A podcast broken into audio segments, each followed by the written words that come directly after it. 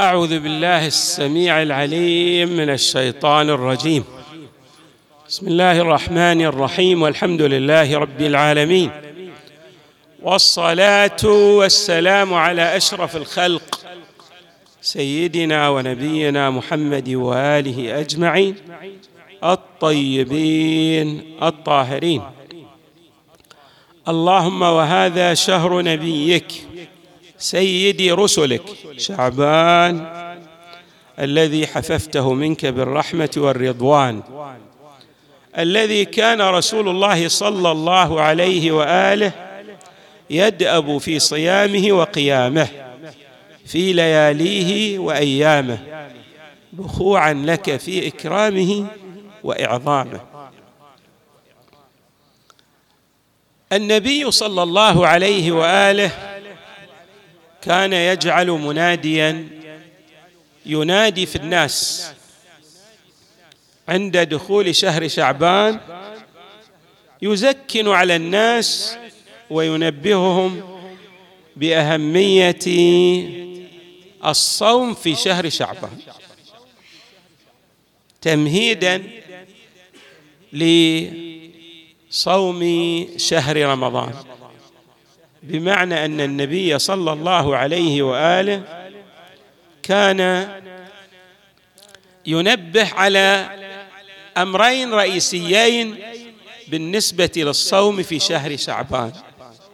الأمر الأول هو فضيلة الصوم في شهر شعبان كأمر مستقل بذاته. والأمر الثاني الصوم في شهر شعبان كمقدمة للحصول على درجات عالية في صوم شهر رمضان.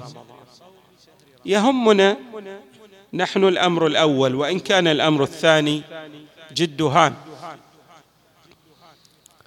الأمر الأول يتعلق بشيء يسميه العلماء المقدمات لإيجاد الشيء. العفو الأمر الثاني. الأمر الثاني يتعلق بالمقدمات لإيجاد الشيء. بمعنى أن من أراد الحصول على درجة عالية في صوم شهر رمضان وإدراك الثمرات عليه أن يوجد مقدمات لصوم شهر رمضان. ولكن الذي يهمنا هو الأمر الأول وهو صوم شهر شعبان بحد ذاته كأمر مستقل. لأن هذا الصوم من الأهمية بمكان. لننظر إلى الروايات. هناك رواية عن علي عليه السلام. يقول فيها في تبيان أهمية صوم شهر شعبان يقول إنني ومنذ سمعت النبي صل منادي النبي صلى الله عليه وآله. ينادي في الناس بأهمية صوم شهر شعبان ما تركت صوم شهر شعبان أبدا. الإمام أمير المؤمنين ماذا يريد أن يفصح عنه؟ يريد أن يبين أن لصوم شهر شعبان من الثمرات والخيرات والفضائل والمآثر والمحامد التي ترجع على الصائم بحيث لا ينبغي للمؤمن أن يدع الصوم في شهر شعبان. هذا الأمر الأول. الأمر الثاني أفصحت عنه بعض الروايات الواردة عن أئمة أهل البيت عليهم السلام. وهذه الروايات بينت امورا. من أهم هذه الأمور هو إصلاح شأن المؤمن في أمر دينه ودنياه بالصوم في شهر شعبان. الإنسان المؤمن يتعرض إلى سقطات وعثرات وعقبات في هذه الحياة الدنيا تؤثر على مساريه مساره الدنيوي وعلى مساره الأخروي. كيف يستطيع أن يتعدى وأن يجتاز هذه العثرات والعقبات؟ الروايات بينت أن من آثار الصوم في شهر شعبان اجتياز وتعدي هذه العثرات والعقبات. يعني يوفق بإذن الله أن يجتاز أي عثرة تعتري طريقه. عند حوائج في الدنيا؟ الله يقضي له هذه الحوائج ببركات الصوم في شهر شعبان. كذلك قد يصاب يعني بسقطات تؤثر عليه سلبا من الناحية الأخروية. كيف يجتاز هذه العثرات التي تؤثر عليه في درجاته في عالم الآخرة يجتازها بالصوم في شهر شعبان.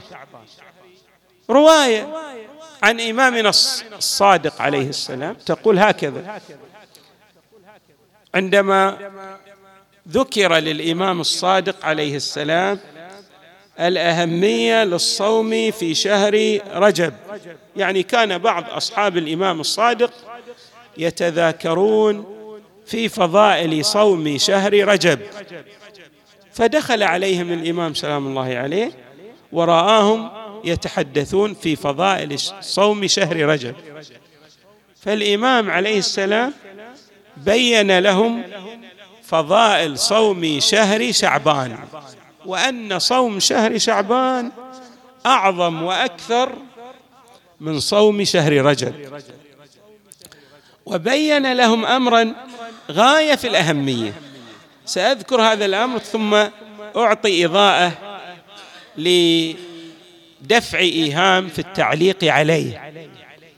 قال الإمام عليه السلام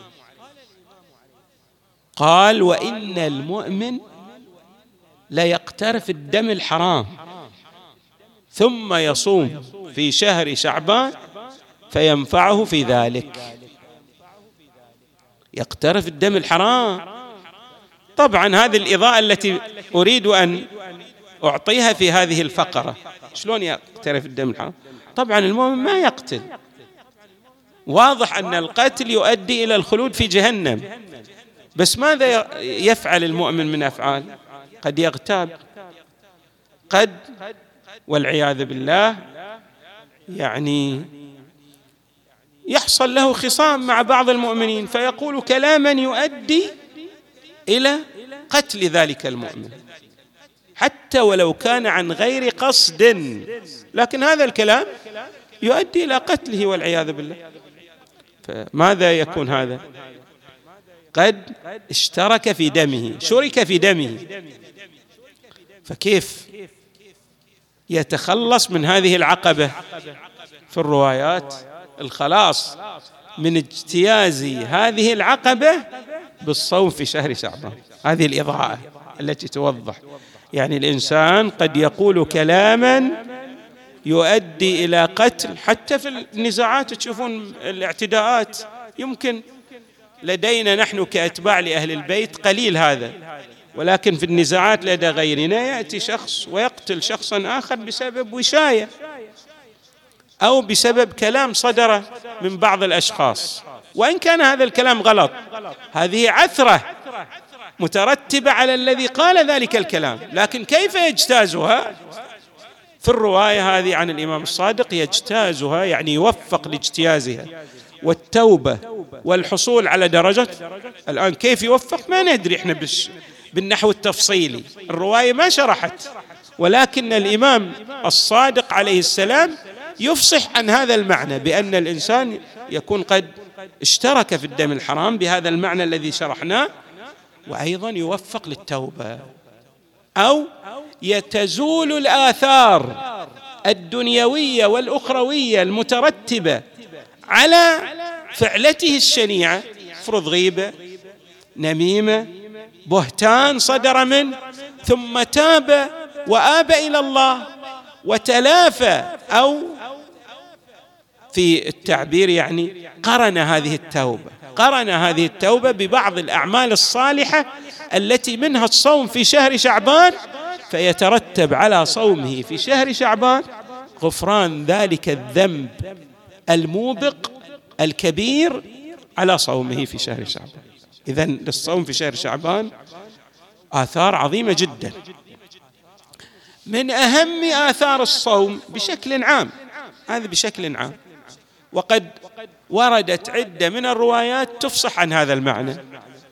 أن الصوم يربي في الإنسان الصبر يجعل الإنسان صبورا عكس ما يتصور الناس. لماذا؟ لأن الإنسان إذا ترك الأشياء المحللة له فمن باب أولى يستطيع أن يدع الأشياء التي حرمها الله تبارك وتعالى عليه. فالصوم يربي في الإنسان قوة الإرادة والقدرة الفائقة للتحمل ومجابهة الصعاب وهي في الحقيقة هذه الأمور التي تمر على الإنسان هي مدتها ضئيلة. كما يشرح ذلك إمامنا الكاظم عندما تحدث مع الرشيد قال له يعني أنا شوف شو أسوي فيك وش أفعل فيك كذا تهديدا. قال له لا يمر وقت عليك إلا ويمر علي. يعني اليوم اللي يمر عليك هو نفسه يمر علي. وكلانا سنرجع إلى الله. المسألة يعني هو انقضاء زمان بالنسبة للمؤمن وغير المؤمن. هذا الزمان لا يتوقف ولا يستطيع أحد أن يقهر الزمان ممسكا إياه بيده. الزمان سيجري. فالمؤمن عنده هذه الحصانة الكبيرة التي يزم بها نفسه عن الوقوع في المحرمات. من أهم السياجات التي يحصل عليها هذا السياج الذي يحصل عليه بواسطة الصوم لأن قوة الإرادة بالنسبة إليه الصبر الذي يحصل عليه عند درجة عالية يعني يصبح بواسطة الصوم يصبح جبلا من الصبر. المؤمن عندما يكثر من الصوم وبالخصوص صوم شهري رجب وشعبان. سبحان الله. يعلم الإنسان يعلمان الإنسان يعطيان الإنسان في الحقيقة كتلة هائلة من الصبر بحيث الإنسان يتعلم أن يجتاز كثيرا من العقبات ببركات هذه الصبر كأنه توفيق من عند الله تبارك وتعالى للصائم في هذين الشهرين. وبالخصوص صوم طبعا كما ذك يعني ذكرنا بالخصوص صوم شهر شعبان. ولذلك الذي كان رسول الله صلى الله عليه وآله يدأب يدأب يكثر يدأب في صيامه وقيامه. اذا يحصل على الإنسان على هذه المحمدة على هذه الخصلة على هذه السجية الكبيرة ألا وهي القدرة الفائقة للصبر. طيب ولا حصل على هذا؟ هذه في الحقيقة حصل على خيري الدنيا والآخرة. لماذا؟ لأنه لا يمر عليه ظرف من الظروف إلا ويستطيع أن يجتاز ذلك الظرف ببركات هذه القدرة التي حصل عليها من صومه.